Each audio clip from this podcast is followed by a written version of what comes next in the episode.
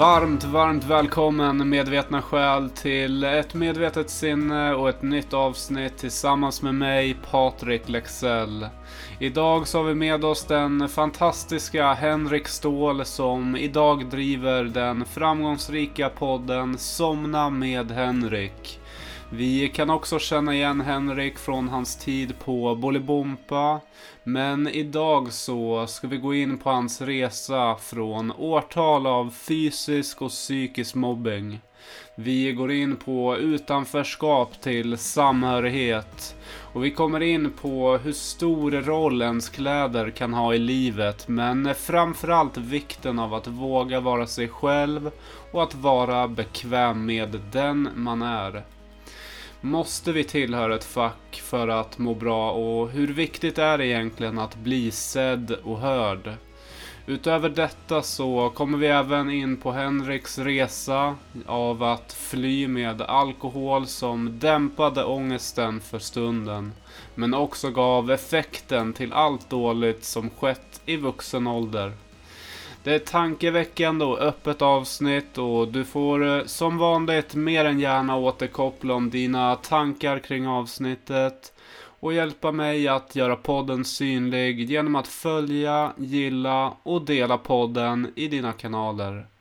Allt gott och god, god lyssning. Pa, pa, pa, pi, pi, pi, bu. Ja, det är bra ljud på den där. Bra. Bra ljud här också. Jajamän. Toppen. Ja, härligt. Men då börjar jag bara med att hälsa dig varmt, varmt välkommen Henrik Ståhl. Tack. Yes. Tusen tack. Jag tänkte säga Stålmannen Ståhl.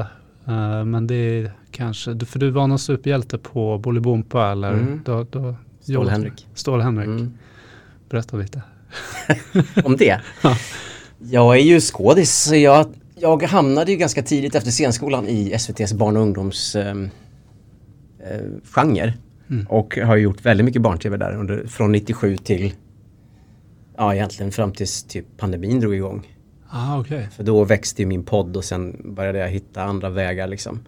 Så men från 97 till 2020 så har jag ju varit bakom eller framför kameran på SVT Barn och Ung i något projekt varje Ja. år. Ja. Jag tänker, jag kopplar det till Bolibompa Mm. väldigt mycket. Eh, men jag eh, har försökt kolla lite. För jag har tänkt att du är Bamse på vissa delar. Och jag tänkte att du är Draken. Mm. Programledare var det någon annan som sa att du kanske var. Eh, vad, I Bolibompa, vad gjorde du då? Alltså i Bolibompa, alltså som programledare, där var jag ju, det är ju alltså Alltså jag sa upp mig därifrån 2004. Så att det är alltså väldigt länge sedan som jag, som jag var Bolibompa programledare. Där var jag mellan 99 och 2004. Mm.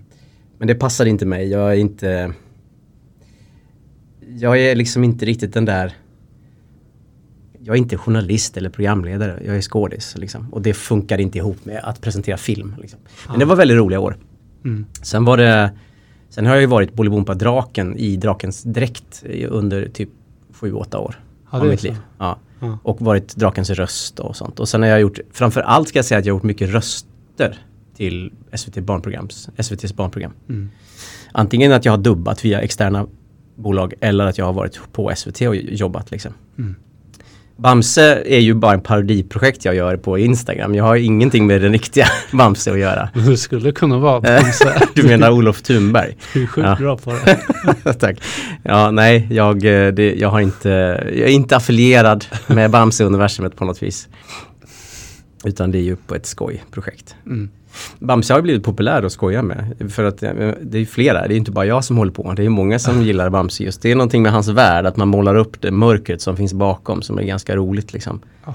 Att han, eh, det är liksom, han är ju så, han är så tydlig Bamse. Därför blir det ju roligt att måla upp eh, göra satir av det, att det finns någonting under. Ja. Den här, missbruket av Dunder Honunge. Och det här att han alltid är så bestämd, han vet ju alltid svaren. Ja, han säger alltid, det här är, gäller inte här, här är det här får du göra så här. Och den här polemiken mellan honom och Krösus Sork som känns väldigt så här copy-pastad.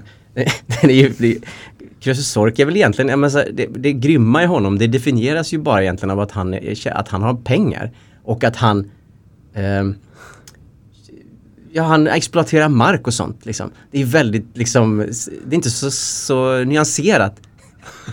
Utan Bamse har ju bara bestämt sig för att Krösus är en jävla bov för att han äger mycket. Ja. Liksom. Och jag, jag menar, det, jag tycker att det är roligt att skoja om. Liksom. Eh, Men som sagt, jag har inget med honom att göra. Jag har inget med Bamse att göra egentligen. Okej. Ja, jag tycker det är roligt hur du nämnde just det här missbrukar honungen där. Mm. det gör han verkligen. Ja, men han, går, man, han öppnar burken och hans familj liksom, du vet, man täcker upp för honom och det finns ju något jättemörkt i det där liksom. Mm. Nu öppnar han bu- burken igen, nu kommer han att bara styra och domdera och så. Ja. Och innan det är han svag och skygg och har Ja. dåligt samvete och skuldkänslor och så öppnar han den där burken och då börjar helvetet igen. Liksom. Hans familj. Ja. fan intressant Ja. alltså. Härligt. Eh, om vi backar bandet lite då. Eh, på din resa, var är du uppväxt och, och Jag är ju född i Västergötland, min pappa är västgöte. Men jag är uppvuxen i Dalarna för mamma är Kulla. Ja. Så jag är uppvuxen i en liten by utanför Falun i Dalarna som heter Linghed. Eller egentligen är det en liten by som heter eh, Hökviken som ligger utanför Linghed. Så det är typ 16 hus eller någonting som. Så vi var, jag är uppvuxen, det var jag och mina syskon, vi är sex syskon. Och fyra till barn i, i byn typ. Ja. Så vi hade ju väldigt, det var ju verkligen Bullerbyn uppväxt liksom. Mm. Mina föräldrar var lite så här försenade gröna vågare så de, de flyttade ut på landet för att bli självförsörjande och så på då 82 när vi flyttade dit till den här lilla byn. Så jag är uppvuxen på en liten minibondgård kan man säga med, med djur och skog och åker. Det är ju verkligen ett skogsbruks och jordbrukssamhälle där ute. Mm. Eller var då, jag vet inte hur det är idag. Och eh, föräldrarna konverterade till katolicismen tidigt. Um, där är ju inte jag en del längre. Men jag var ju länge upp i vuxen ålder. Och eh, så andlighet har väl alltid funnits med liksom i min uppväxt. Mm. I högstadiet framför allt men även låg och mellanstadiet så blev jag ganska mobbad i skolan. Och det har ju präglat mig såklart. Mm. eh, In i mitt vuxna liv. Och om det skrev jag ju en pjäs som heter Henrik en tönt som jag spelade i ungefär tio år i olika högstadieskolor över hela Sverige. Mm. Typ 500 föreställningar. Ehm, så, och det var väl kan man väl säga mitt genombrott som, som eh, skådis i Sverige. Ah. Det Den, var- slutade, den slutade jag med 2010 tror jag spelade sista föreställningen där. Ah, okej. Ja. Um, alltså det är ju min historia. Nu bor jag här i staden Stockholm Ja. och uh, försörjer mig på min podcast Somna med Henrik. Ja. Det är Ja, mitt det- liv just nu. ja, den är verkligen, det är många som somnat till den. Mm. Ja det är ju det. Eh, jag blir nyfiken på det här med mobbingdelen. För den, du gjorde en pjäs som du har kört och fått genombrott på den.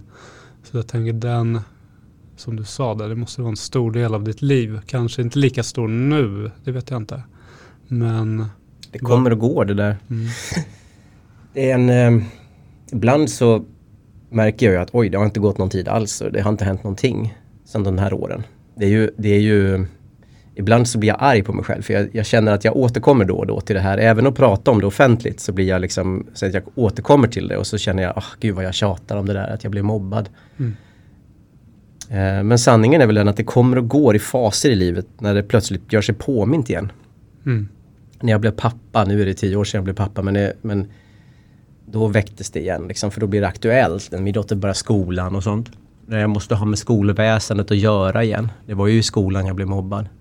Ja, Ehm, när jag utsätts för kritik, när jag... eh, eller hat ska jag säga, för kritik är väl svårt. Men alltså som, som alla i offentligheten så utsätts man ju för mer eller st- större eller mindre doser av, av liksom, ja, det vi kallar för näthat. Då, liksom mm, då väcker det ju saker i mig som ju inte har varit vaket egentligen sedan högstadietiden liksom senast. ja. Och då blir jag påmind om det. Mm. Så i takt med att podden växer i popularitet nu så märker jag ju att det inte är helt rent hos mig. Eh, Den, de olika typerna av uppmärksamhet som jag då får. Ehm, och då vaknar det igen och så märker jag hur jag liksom är inte riktigt klar med det. Liksom. Frågan är väl om man, ald- man kanske aldrig blir det. Ja, det. riktigt klar med. Men det som berövades mig då.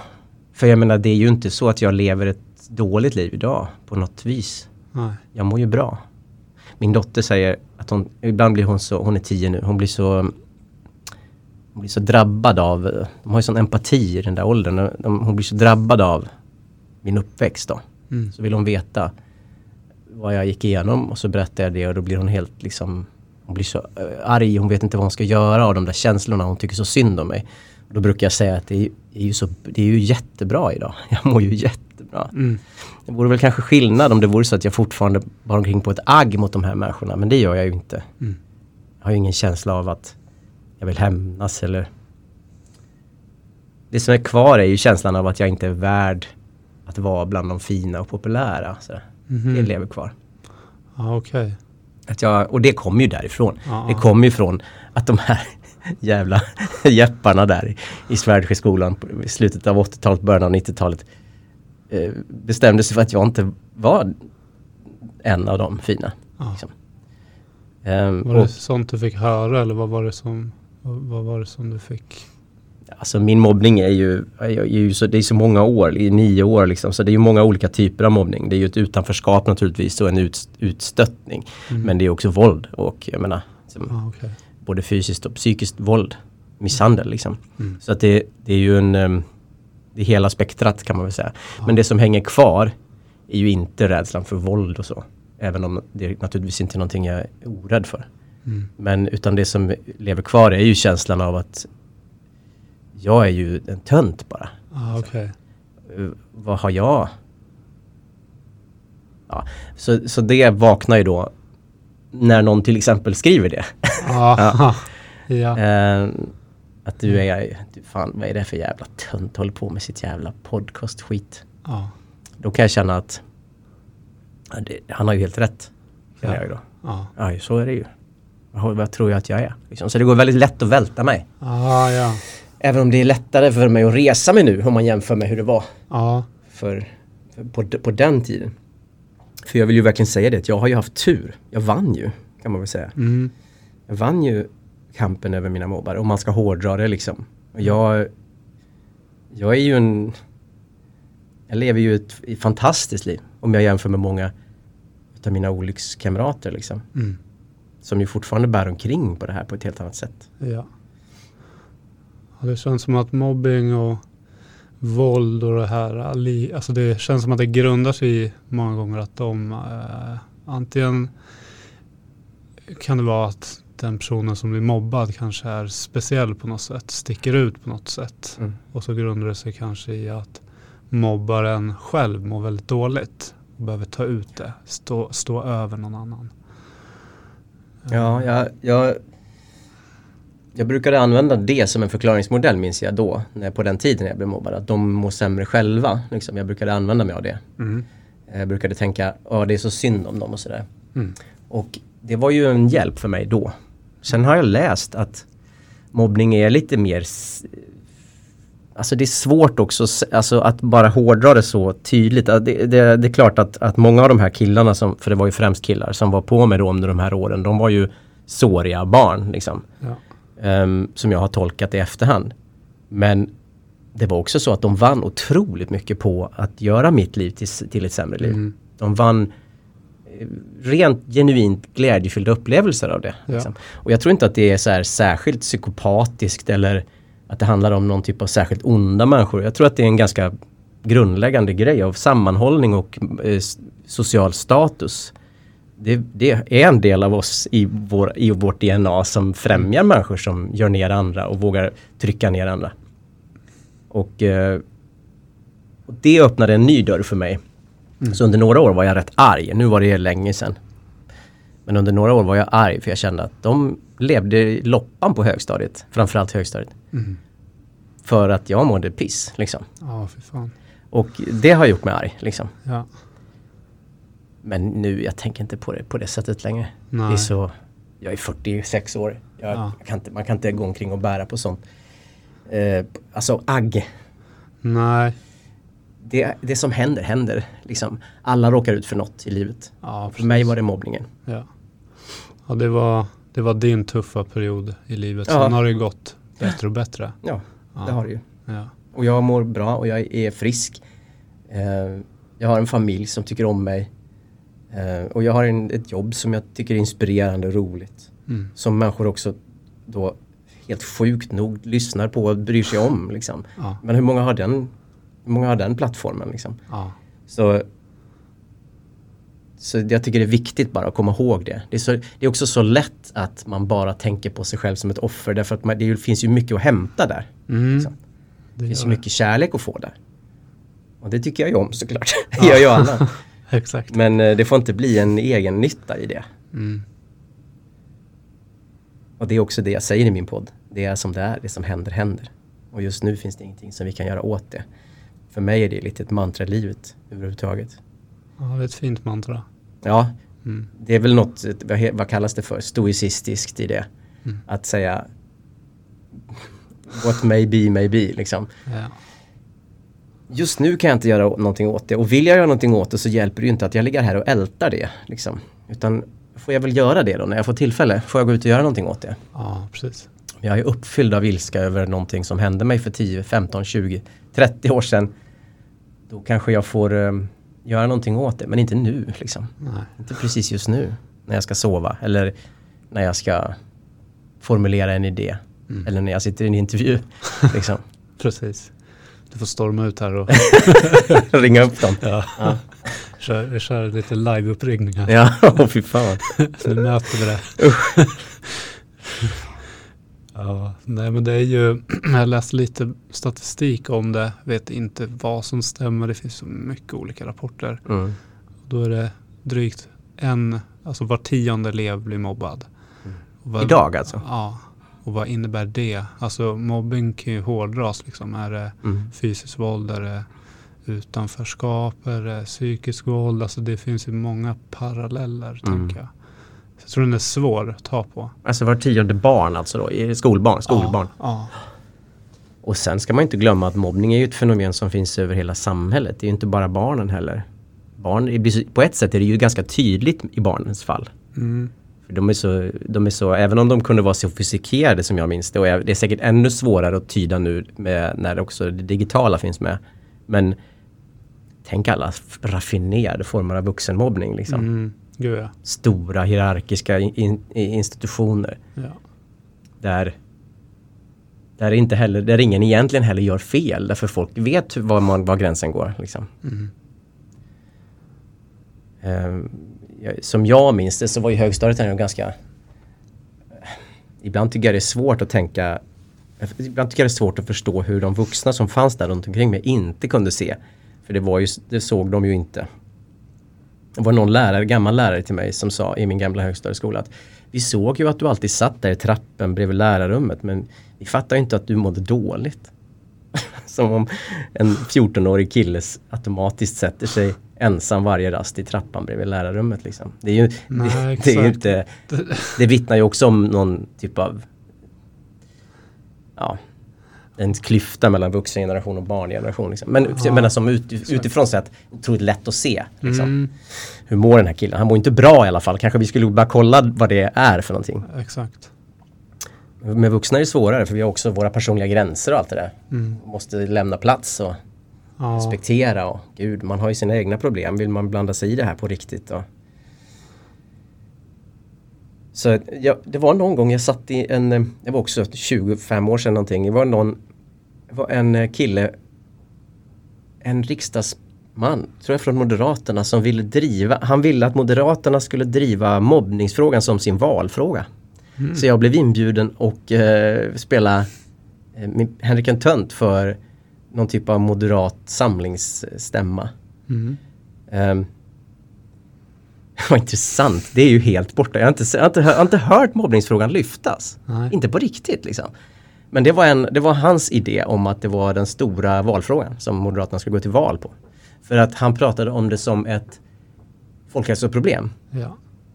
För att det, om det nu är så att det var tionde barn i skolan som blir mobbat så är ju det också, finns det ju medberoende och medanhöriga människor där. Mm. Och också de som är runt om som utsätter andra för mobbning. Liksom. Det är också en, en, en, eh, en andrahands, ett andrahandslidande. Liksom, på sikt åtminstone. Eller av alla möjliga andra aff- affilierade problem som finns kring att mobba någon. Mm. Alltså jag tänker det är ju en enorm, ett enormt mörkertal med människor som lider som aldrig pratar om mobbning per Ja, se. precis. Det är verkligen ett folkhälsoproblem. Ja, sjukt intressant att de vill eh, ha den som Ja. kampanj. Det var jättelänge sedan. Jag tror att det var, eh, vad heter han? Sten Tolgfors Ja, som drev det då. Jag har glömt bort, jag blev, eh, jag, jag blev inbjuden jag, och sen så hade jag samtal med de här politikerna efteråt. Jag har glömt bort vad det var för typ av sammanhang också. Men de var, alla var, de var eld och lågor, det var liksom det här. Du är politiker sa de till mig. Du borde ju eh, satsa på skolpolitik. Jag kände wow! Som skådis blir man ju alltid så wow! Man kände att man kan göra skillnad liksom. ja. Men jag minns inte var det där tog vägen sen. Ja, det var väl säkert ett val som stod för dörren då. Mm. Synd att inte jag kommer ihåg mer. Det hade varit kul att liksom typ ta upp det här igen. Ja, Vad hände med det där egentligen? ja, det kanske kommer. Det, Skolpolitiken. det är ju val, eh, val ganska snart. Mm. Så du kanske får göra något här. Om du är moderat och lyssnar på det här kan du kanske driva den frågan igen? För den har försvunnit lite grann. Mm. Och eh, eh, överhuvudtaget, jag har inte hört mobbning inom skolpoli- skolpolitik. Nu tycker jag handlar mycket om ordning och reda och betyg och Ja. Elevernas psykiska hälsa i och för sig är ju där. Men den står ju bara i relation till överfulla klassrum, överbelagda lärare. Liksom. Det är intressant att se hur, mobbning, hur man pratar om mobbning idag i, i topppolitiken. Liksom. Ja, det hade varit otroligt intressant att se. För det är en otroligt, jag, jag tänker bara själv att varför man lyfter den är ju som du också är inne på. Alltså det är ju en grundpelare till, alltså när man växer upp det är då man präglas. Du säger det själv att du än idag kan påverkas av det som hände när du var 10-15 år. Mm. Så den perioden är ju otroligt viktig. Mm. Och då är ju den här frågan otroligt viktig. För eh, välmåendet i all framtid, Mm. tänker jag. Om man ska verkligen hårdra det. Och nu tycker jag, nu bör man ju men vi pratar, man pratar om att fortsätta låta skolan vara privatiserad eller förstatliga den och det, är liksom, det kommer att bli en stor valfråga. Alltså vad, in, vad, pratar vi gemensamma skolideologier, varför inte prata då om just mobbningen till exempel. Ja, intressant. Ja, den är spännande. Mm. Eh, vad var det som, för du, du nämnde där också med, eh, du satt utanför lärarrummet och det var ingen som riktigt upptäckte dig. Eh, vad var det som fick dig då att ändå ta dig ur mobbingen? Eller liksom vart du, du berättade lite vart du hittade liksom stödet för att klara det. Men hur, hur kom du liksom ifrån det här och blev den fria Henrik på något sätt? Fint, fria Henrik. Jag har eh, alltid haft en, en desperat längtan efter att växa. Liksom. Mm. hela mitt liv. Och jag har alltid känt mig dragen till sagor. Det finns ju en väldigt förutsägbar dramaturgi i sagan, hur någon liten växer och blir stor. Liksom. Och det har jag alltid sett som en del av mig. Att, kan det bero på att, att mina föräldrar har pratat med mig på det sättet hela mitt liv? Eller att jag har konsumerat mycket sagor. Liksom. Jag har alltid varit väldigt dragen och lockad till berättelser och till berättelsens eh, men det är ju ett förenklande av verkligheten i berättelser som är eh, Även om det är dubbelt för mig, för jag tycker heller inte om förenklingar. men, eh, men det finns någonting räddande i det där att, att se på världen som någonting som man, först gör man det och sen gör man det och sen händer det. Liksom. Mm. Och att det också finns någonting just om att växa i sagor, något inbyggt. Liten ska bli stor, fattig ska bli rik, eh, svag ska bli stark. Ja. Och jag tror att det hjälpte mig, har gett mig en känsla av att jag ska klara det här, det här kommer att gå över. Så Den känslan tror jag jag har haft jämt.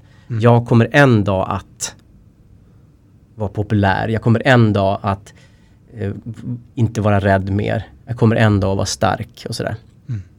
Så dels, dels tror jag det. Sen, eh, mina föräldrar hade ju då en förmåga att sätta ord på det som hände och har alltid haft eh, under min barndom.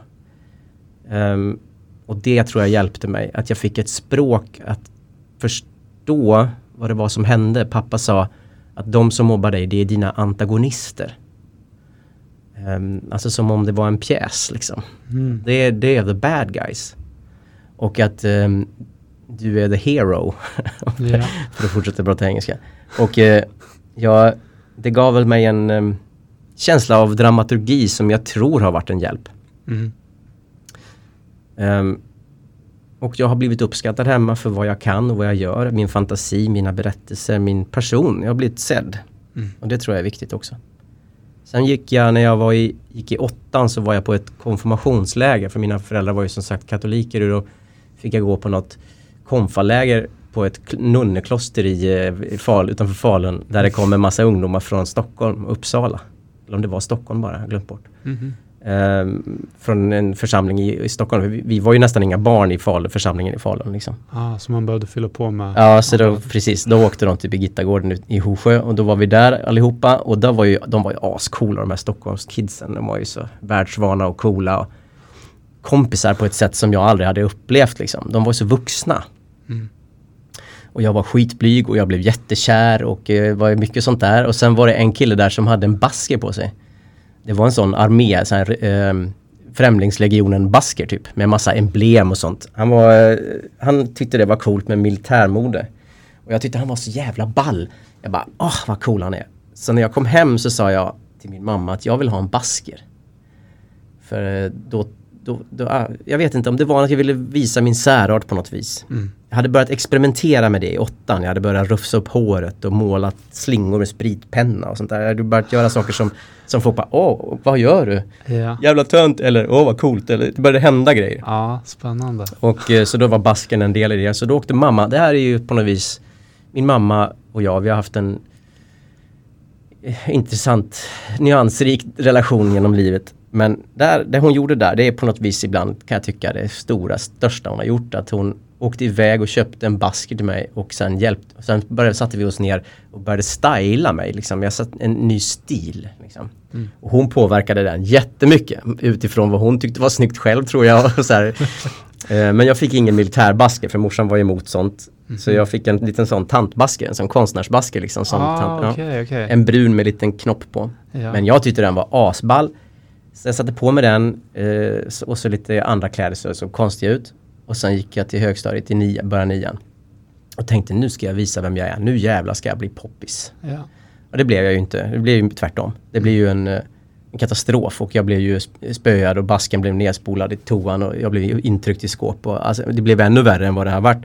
Men det hade fötts någonting, en kamplust där liksom. Jag ska visa dem att, att jag kan det här, att jag ska vinna liksom. Och basken fick bli en symbol för det. Och så småningom så hände det ju att folk började komma fram och säga, jag tycker du är cool liksom. Säg inte att jag har sagt det, men du, du ser cool ut i den där basken liksom. Mm.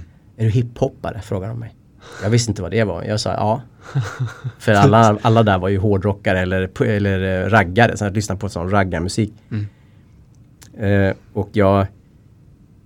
Så jag fick en särart och fick små, små, små sting av uppmärksamhet. Och eh, det, jag åk- åkte buss med någon tjej som gick i någon parallellklass och hon sa Jag tycker du är så himla cool. Och jag minns ju jag bara jag har aldrig någon, jag har aldrig någon Ja. tjej sagt till mig någonsin. Jag, var, jag var ingen som såg mig.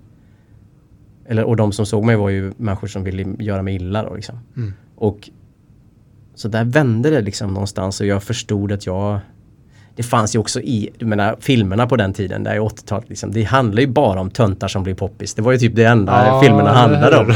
Så jag hade ju filmer också att stödja mig i där liksom. Ja, ja. Och att de här jocksen i amerikanska high school-filmer de blev ju alltid, det råkade ju alltid illa ut och blev mördade av, Mm. av människor i parker och sånt. Och jag, jag, jag det, var väl, det, det var, var väl mycket som föll samman i samma veva där som gjorde att Mm. jag kände att här kommer jag att fixa liksom. ja.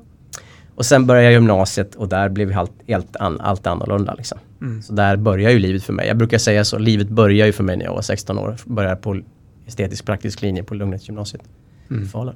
För då fick jag mina första kompisar på riktigt kompisar. Och så, här. så där ändrades ju allt kan man ju säga. Ja, härligt. Det som är intressant där är ju verkligen hur du i nian då drar på dig basker och verkligen säger nu ska jag vara mig själv. Nu ska jag våga det här, nu ska jag, nu kör jag. Mm. och sen börjar det vända. Mm. För den eh, brukar jag tänka mycket på just den här, jag brukar säga det ibland att vara dig själv, tro på dig själv, lita på dig själv och Mm. vara dig själv.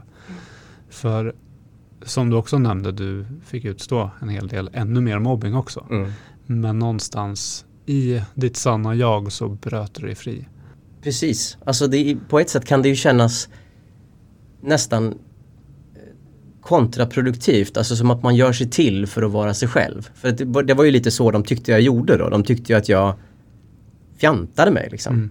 Klädde ut mig. Och så kändes det ju först också. Ehm, jag tyckte ju att jag såg cool ut men det var ju liksom inte som att det, det, det kräver ju också lite att stå och klä ut sig sådär varenda dag då. Jag hade ju på mig ett par stora vita solglasögon. Jag såg ut som sådana Greta Garbo solglasögon. Det var ju så otroligt. De tror jag inte att jag orkade hålla kvar i. Till slut blev det bara basken. Men i början var det en väldigt utstuderad look liksom. Brun mockajacka med så fransar som Pugh Rogefeldt eh, hade. R- bredrandiga manchesterbrallor, lila. Mm. En lila polotröja, jättetajt. Brun mockajacka och så bruna basken och så de här vita Garbo-glasögonen.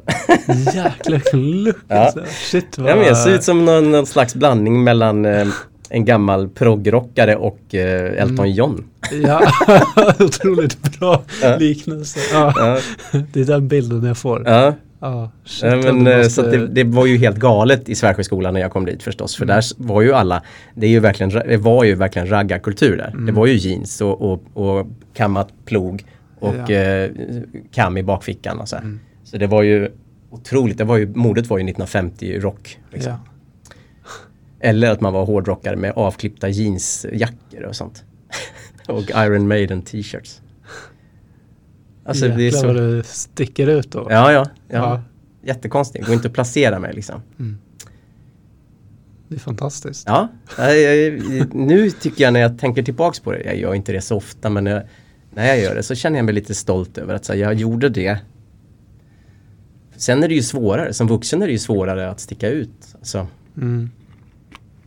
och nu när man är vuxen och lever i någon slags kontext där man också ska, som jag gör nu där jag också då har en produkt liksom som jag ska sälja och ingå avtal med människor i, ma- från med, som, eh, med sponsorer och sånt där det verkligen finns ett behov av att jag ska vara lättbeskrivlig och ehm, följa med i olika led, liksom hur man gör och hur man inte gör. Och Mm. mycket svårare idag att sticka ut än då. liksom. Ja. Men men egentligen något man vill säga till alla barn.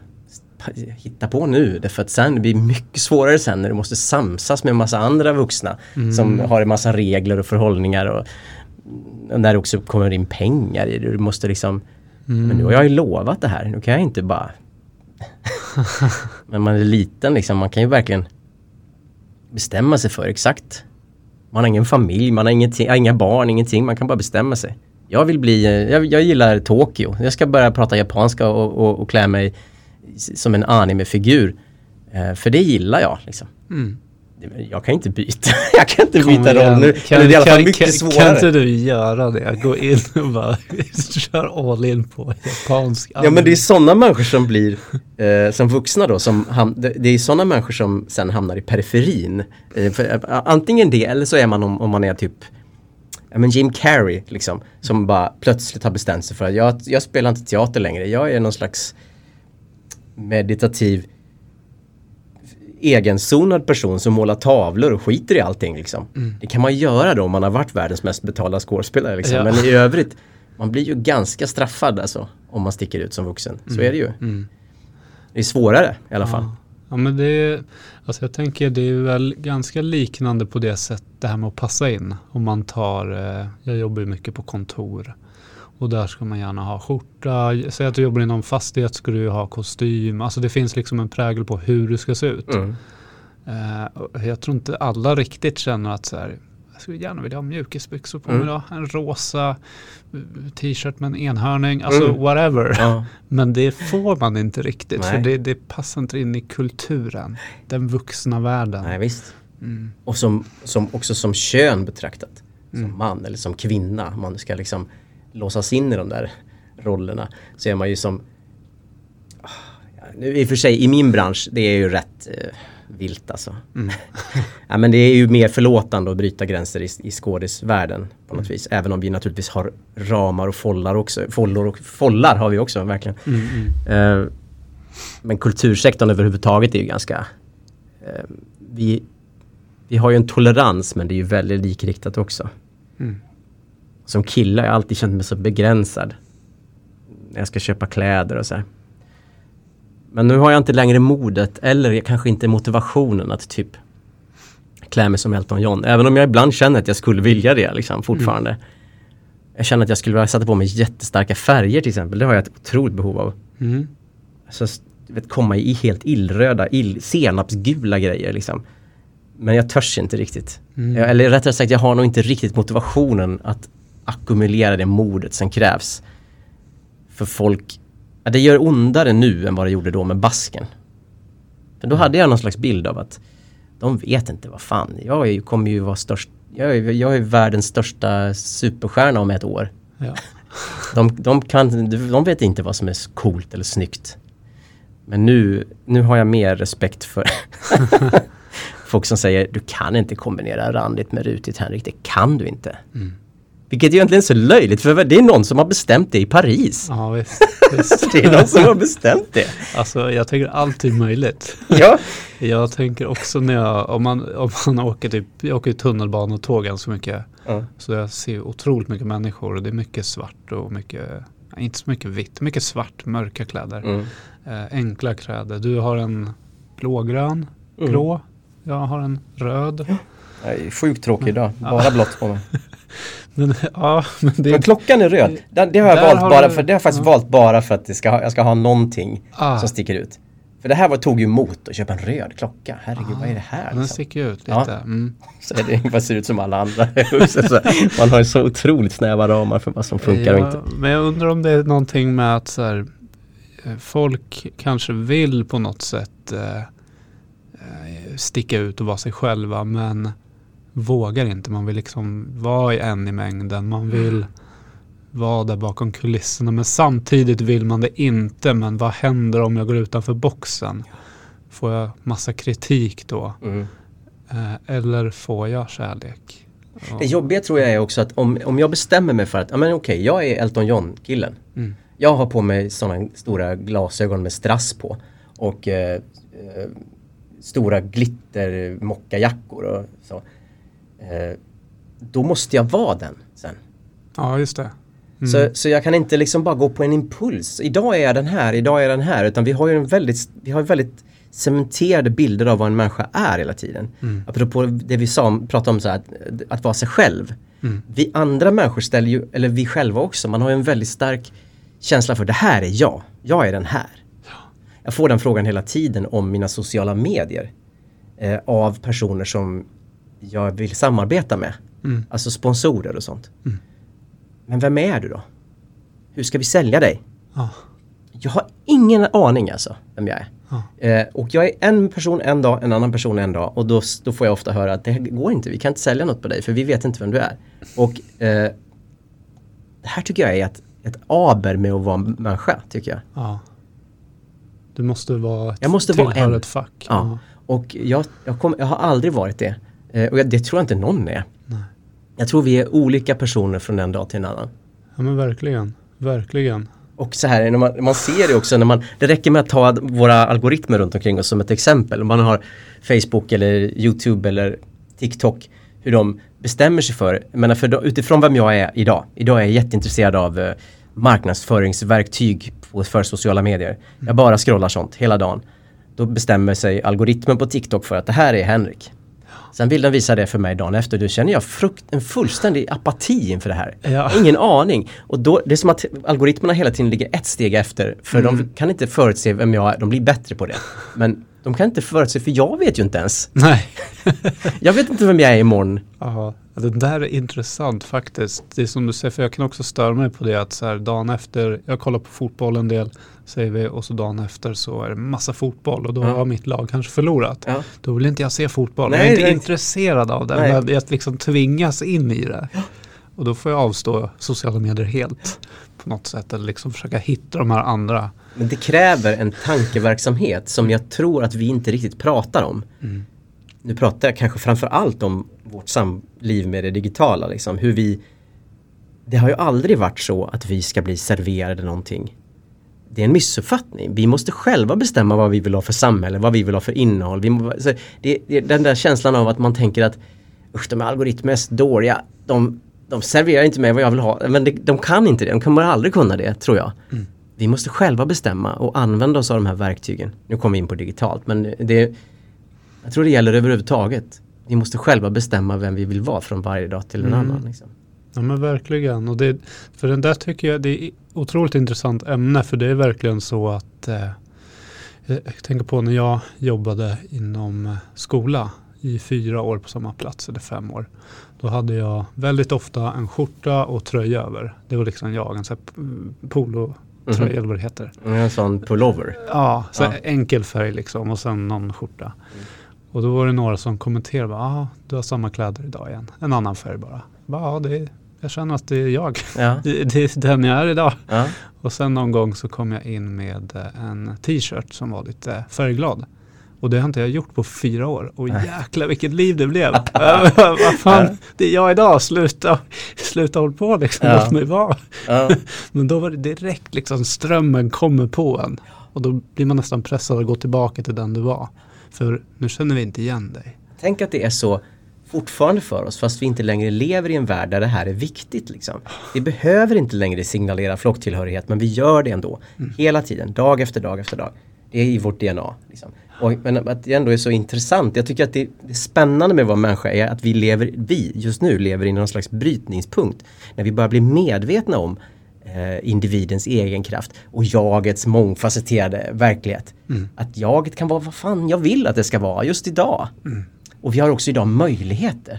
Tänk när vi var små, när inte internet fanns, när inte det fanns några communities eh, online, när det inte fanns liksom men den verklighet som, som många äldre fortfarande lever kvar i. Att man, man sitter och väntar och blir ensam liksom. Mm. Och det, det är liksom, jag tycker det är så coolt att vara vid liv nu. För jag kan, när jag vaknar på morgonen och öppnar min telefon, nu är jag ju väldigt mycket online.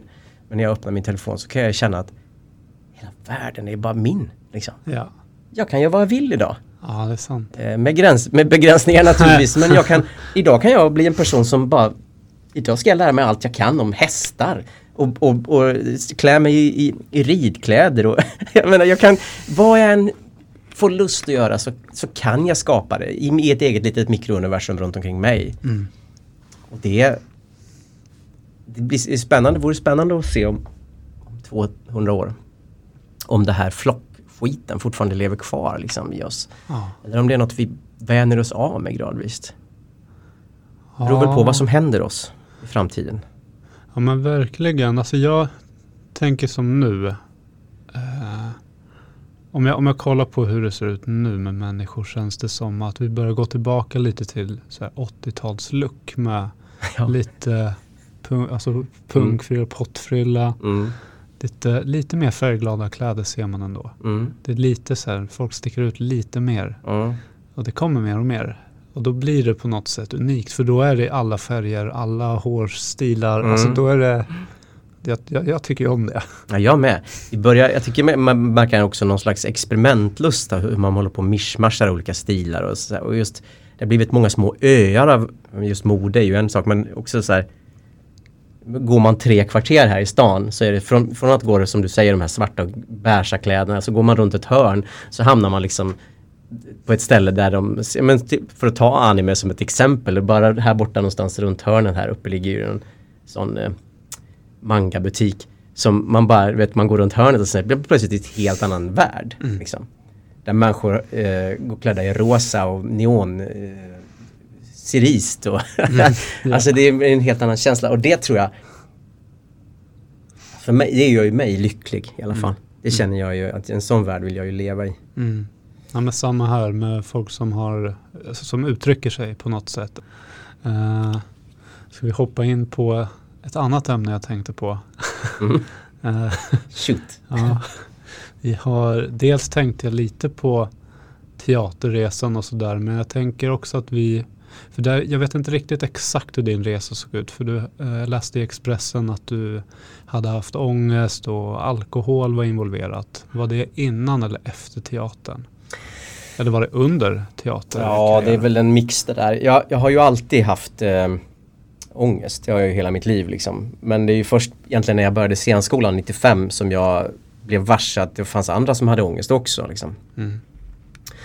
Och där blev ju ångesten en del av eh, jargongen och sättet man ser på yrket och sånt. Det var, det var, det var liksom nästan lite inne att ha ångest då. Men jag har alltid haft panikångest. Jag har alltid drivits av en typ av låggradig ångest som har legat hos mig jämt. Liksom. Um, och idag äter jag ju medicin. Det gjorde jag ju, det började jag med för typ sex år sedan och det var ju alldeles för sent känner jag. Mm. Hade jag haft en annan bild av psykisk ohälsa när jag var yngre så hade jag ju tagit den hjälpen som de här medicinerna har gett mig. Mm. För att jag den inledningen Alltså när jag började äta escitalopram som jag äter så, hade, så har jag ju det har ju, det har ju förbättrat mitt liv med 100% alltså. Mm. Nu finns det fler orsaker. Men escitaloprammet var första steget liksom. Mm. Sen att jag började träna. Motion och styrketräning. Och nummer tre var att jag slutade dricka alkohol. Mm. Alkohol har ju alltid varit en Ja, det är svårt nu. Jag pratar mycket om just mitt gamla missbruk och så nu för att jag Ja, det är många som frågar helt enkelt.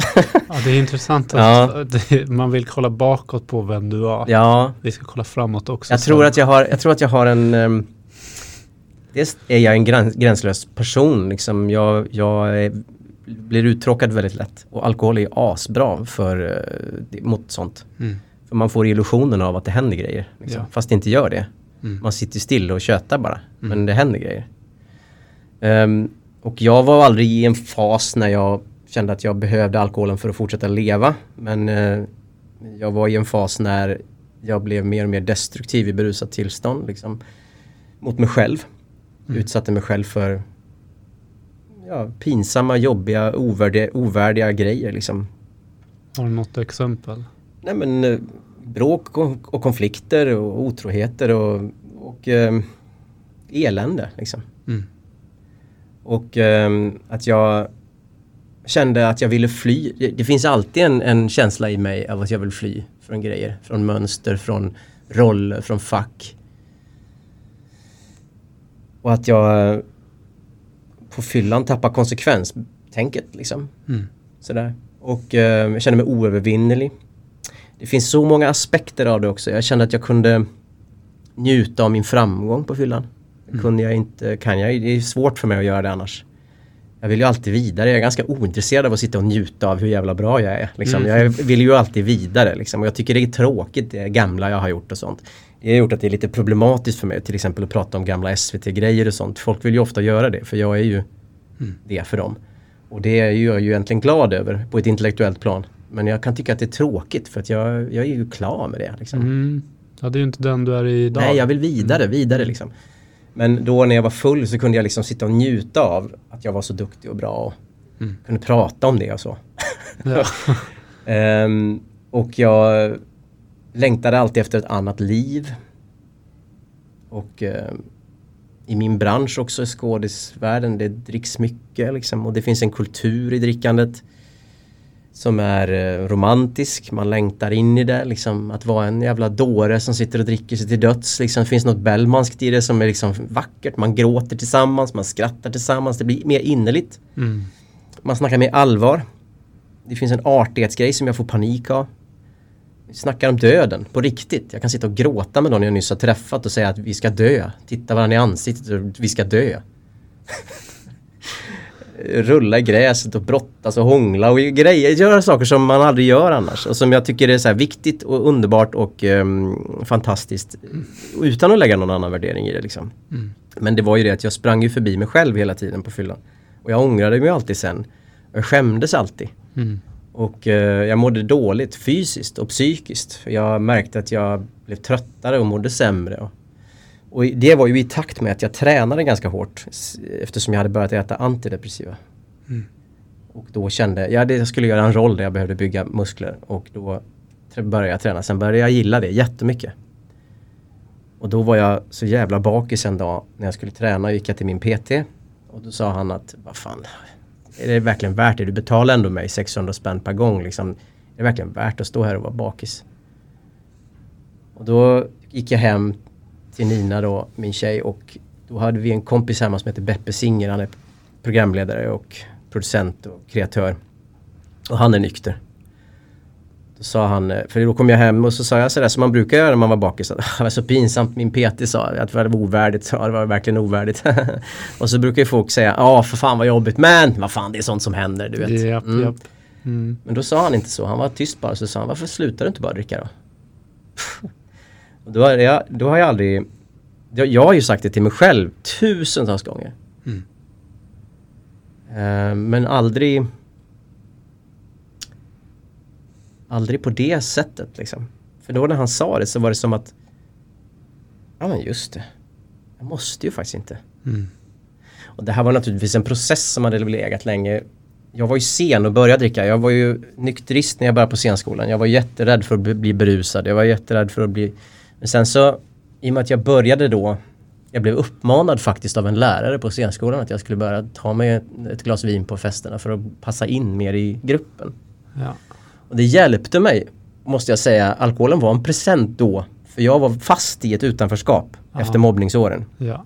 Jag var ett skal, jag vågade inte komma ut. Så när jag blev full med de här rockstjärnorna som gick i min klass på scenskolan så öppnade det sociala vägar för mig. Mm. Det släppte ut mig i världen. Ja. Så jag, det var bra. Men eh, sen så blev det ju dåligt liksom. ja, det blev till ett missbruk då, mer Ja. destruktivt. Ja, Mm. och det finns en, en gränslöshet i mig som för, för det var det jag då upptäckte då. För det, jag började tänka då, att när Beppe sa sådär, så började jag tänka, jag har Jag tyckte om mig själv förut innan jag drack. Jag hade roligt, på riktigt roligt. På fester och allting. Jag hade kul. Mm. Eh, varför? Hur har det ändrats? För nu, då kunde jag inte tänka mig att gå på en fest utan att vara full. Urtråkigt! Sitta och snacka med något annat par och bara så här, utan att dricka någonting. Skittråkigt. Det tycker jag för övrigt fortfarande. Jag, jag, jag har svårt att kallprata. Jag tycker det är skitjobbigt. Mm. Eh, men Ja, så, så jag hade väl en slags eh, men jag längtan tillbaka till det där liksom. För jag kände hela tiden att jag ska inte dricka. Nej. Vissa människor Jag vill inte hålla på och ägna mig åt en massa demonisering och sånt. En drog är en drog liksom. Det finns många olika skillnader och grader i, i, i en, att, i att för, använda sig av droger. Och, och jag, jag är inte emot stimulin. Men jag, jag har väl alltid känt att jag och min personlighet fungerar inte ihop med den drogen. Mm. Men jag har tänkt att så här måste det väl vara. Ja. Och eh, det var ju så mycket positivt. Också apropå ångest. Det Mm. dämpar ju ångesten något fantastiskt. Oh, ja. ja. Jag gick ju iväg ibland efter terapin och drack rödvin efter eh, terapin. För att jag kände att, ja och så kände jag hur jag mådde bra liksom. Ja, det där är lite, alltså det är ju lustigt hur otroligt bra det kan vara för stunden. Att man direkt efter terapi där man pratar om Mm. att sen, ta hand om dig själv nu. Mm. Absolut. Och så går du ut det första man gör och tar Mm. rödvin. Mm. Jag tror att det är väldigt vanligt att folk liksom man kanske då börjar kan dölja det lite mer på något sätt eller mer ifrågasätter. Det här kanske inte är okej. Jag har ju Men- alltid vetat det. Mm. Alltid känt det. Mm. Men att det har funnits som en undre, underström liksom. Jag har Mm. alltid undrat vad är det som känns fel? Eller jag har hatat mig själv, avskytt mig själv. Hela den där grejen också. Mm. Och sen har jag liksom haft perioder när jag bara nej, nu räcker det liksom. Och så, så, har, det, så har det bara över igen. Ja. Och jag tror också att det är någonting med också att vi, det är ju den enda drogen egentligen som vi, förutom koffeinet möjligtvis och nikotinet, som vi kan använda och känna att det finns en slags, en, en, en, en total acceptans kring Mm. det liksom. Jag har suttit på möten med människor på dagarna, skitsamma tid på dygnet, men alltså det, det här med, man sitter på möten med människor som sitter och dricker sig liksom salongsberusare när vi ska snacka business. Alltså den mm. det är nu helt okej okay nu. Ja. Och det är möjligt att den, den personen kan hantera det men jag, jag kan inte det. Nej. Jag blir bottenlös liksom. Ja. Jag vill vidare, bort, ut. Jag vill ut i kosmos. Yep. Det vill jag ju ändå. Men den viljan vill, fungerar inte ihop med alkoholen. Nej, du är inte lika spontan. Alltså du blir spontan av alkohol också. Så då Ja, blir visst. ju liksom Otroligt spontan. snurren går igång då. Liksom. Ja, gränslös. Och eh, ful, liksom. Som jag tänker nu efteråt. Eh, allt, allt dåligt i mitt liv har ju kommit som en effekt av, alltså i vuxen ålder, har kommit som en effekt av alkoholen. Min tinnitus, Mm. alla bortgjorda situationer, Mm. alla svek och sånt. Så jag slutade ju i rätt tid.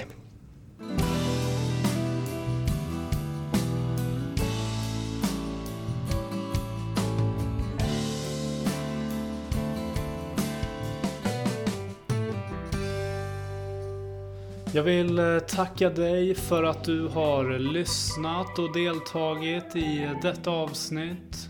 Och eh, om du gillade avsnittet så glöm inte att eh, följa, gilla och dela podcasten. För att också bidra med att göra den synlig för andra. Till nästa gång, tro på dig själv, lita på dig själv och var dig själv.